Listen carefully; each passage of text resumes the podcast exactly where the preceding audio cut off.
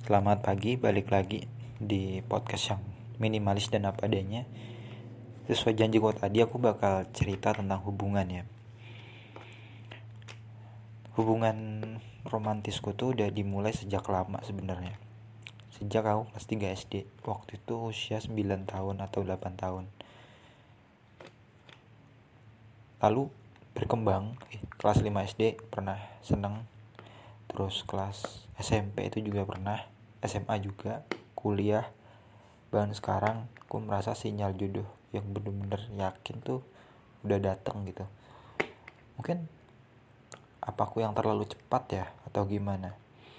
Aku menganggap bisa jadi terlalu cepat datangnya atau emang karena aku mulainya lebih dulu gitu loh. Anak kelas 3 SD teman-temanku ngapain sih biasanya gitu?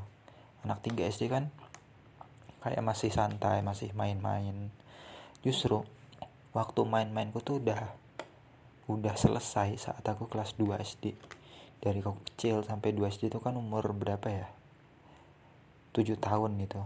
Itu aku habisin semua masa senang-senangku masa main. Di situ aku nggak cuma main aja tapi lebih juga ke teknologi kenal ilmu ini meskipun masih dasar-dasar itu aku udah selesai umur 7 tahun. Nah next level nih saat kelas 3 SD aku udah mulai namanya perasaan. Meskipun juga masih dasar. Lalu berkembang aku ketemu banyak perempuan. Ada beberapa yang menarik ada yang enggak. Patah hati pernah aku rasain.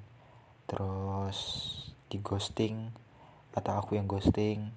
Pokoknya masalah masalah percintaan yang umum dirasakan anak muda itu pernah aku rasain semua sejak aku kelas 3 SD sampai sekarang gitu.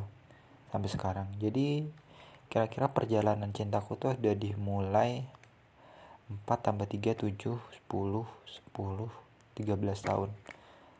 Lebih dari 13 tahun aku meniti perjalanan cintaku yang gak mudah gak lurus-lurus aja tapi kayak perjalanan tuh rumit gitu. Hingga akhirnya aku udah sampai di tahap akhir. Maksudnya cinta kepada lawan jenis gitu ya sama perempuan. Itu udah selesai gitu. Tinggal sekarang aku punya satu tahun atau dua tahun nih untuk bisa fokus sama jodohku. Fokus untuk menghalalkan dia seseorang yang ditakdirkan jadi jodohku kalau orang kan biasanya nikah tuh umur 23, 24 jarang yang 20, 21 bahkan 19 22 nah, aku punya planning mau nikah tuh umur 22 tahun depan. Memang sih aku ngerasa itu sangat cepat. Tapi aku mikirnya lebih ke jangka panjang. Nikah tuh nggak cuma ngisi kekosongan hati aja tapi juga besok nih akan ada namanya bonus demografi tahun depan. Dan aku pengen ketika bonus demografi itu datang aku bisa fokus untuk maksimalkan potensi nggak jomblo terus. Jadi pengen banget namanya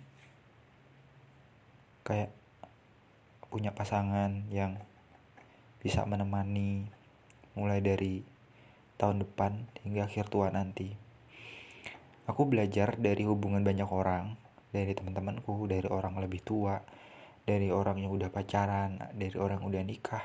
Nikah pun ada yang cerai ada yang bertahan sampai sekarang puluhan tahun. Itu aku ambil satu benang merah bahwa hubungan yang sehat adalah hubungan yang saling percaya dan saling menjaga satu sama lain apa pun yang terjadi mau nggak ada uang mau ada utang atau kondisi lagi apa pun itu nggak mempengaruhi hubungan cinta. Tapi hubungan yang saat itu hubungan yang saling percaya dan saling menjaga satu sama lain. Apa kata orang nggak peduli. Kalau pasangan kita percaya ya udah gitu loh